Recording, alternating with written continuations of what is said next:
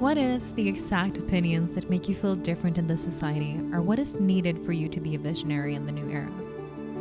Your ability to see beyond what is happening at this exact point in time, have perspective and vision, hold a high vibration beyond the collective frequency, and show up in a way that's different to what you've experienced before, even seen before. It might take bravery to step out of the masses and into the front line, but you were made for this. So thank you for being part of the army, with thousands to the left and thousands to the right. Dare I say millions to the left and millions to the right.